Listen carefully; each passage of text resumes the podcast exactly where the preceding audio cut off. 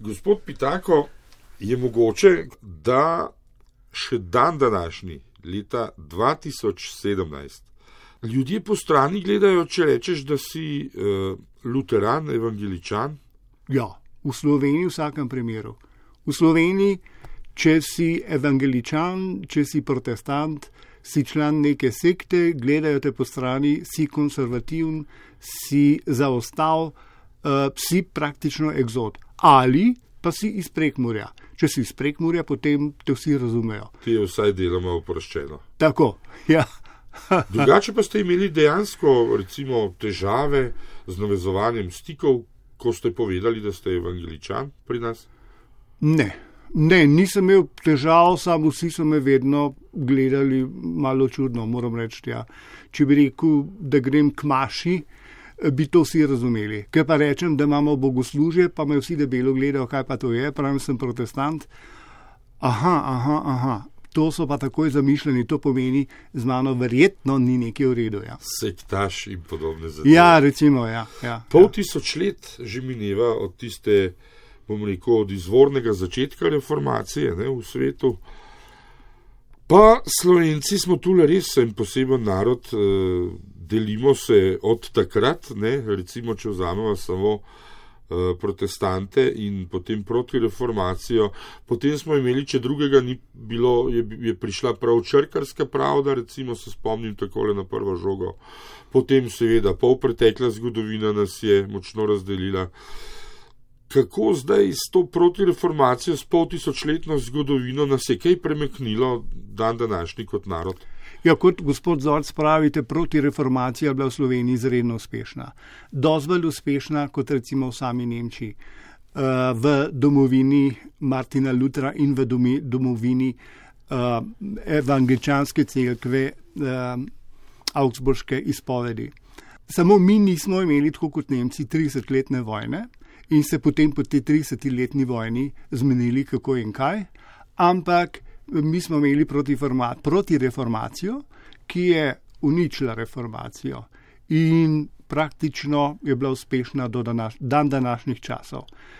Pri tem moram reči, da jaz seveda nisem teolog in nisem duhovnik, samo če spremljate to duhovno življenje, pa religijo v svetu, ste videli, da se je tudi katoliška crkva v zadnjih 20 letih zelo spremenila, ali celo mogoče bi lahko rekli do neke vrste uh, reformacije prišlo v katoliški crkvi in se zelo, zelo zbližala za njej najbližjo, tako rekoč dvojčico, uh, evangeličansko crkvo.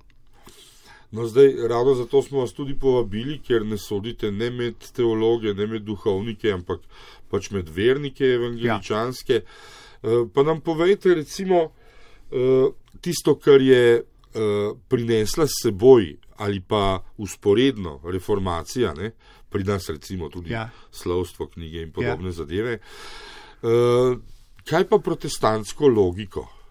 To pa eh, je vneslo v naš narod ali ni vneslo. Tako radi hvalimo tiste severnejše narode, da imajo protestantsko logiko, eh, protestantski način dela in podobno. In življenja. In življenja, in ja, ki je zelo uspešen. Ne? Ja, ja, vas razumem.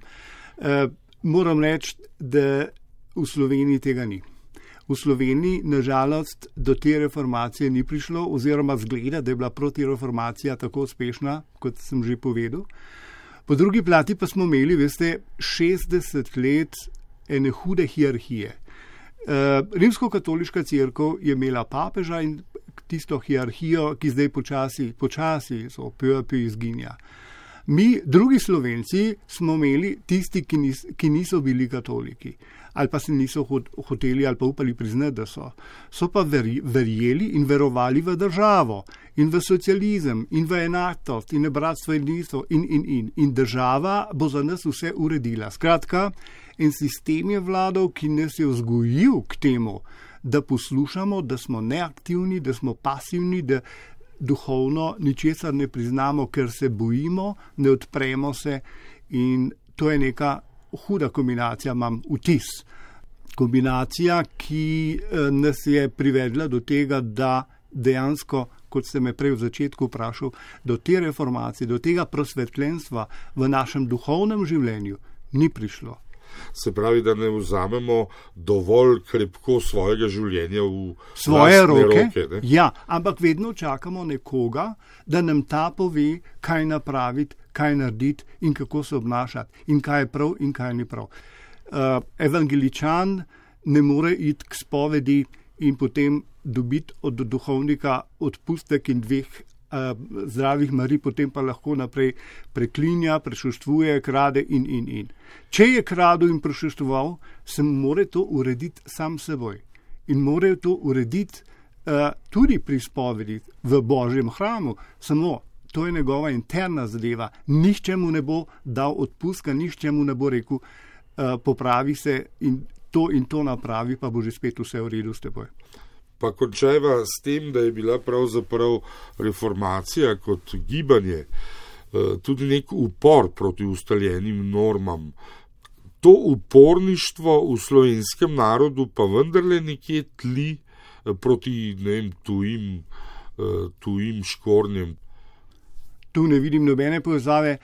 Lahko rečem samo to, da uporništvo kot tako je bilo na mestu takrat, v 16. stoletju zagotovo. Vidim samo to, da uh, mi smo vsi, po mojem, slovenci, evropejci v tem smislu, da sledimo tem vrednotam, ki so krščanske vrednote. Ja.